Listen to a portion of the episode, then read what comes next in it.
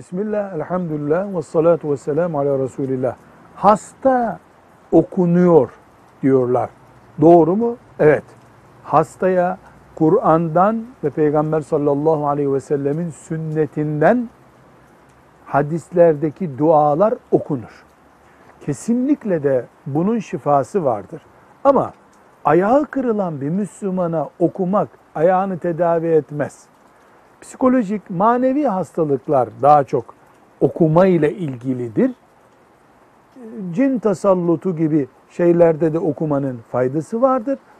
Ayağı kırık olanın ayağının tedavi olması için okuma olmaz. Ama o esnada morali kırılmasın, sabretsin diye okumanın, dua etmenin faydası olur.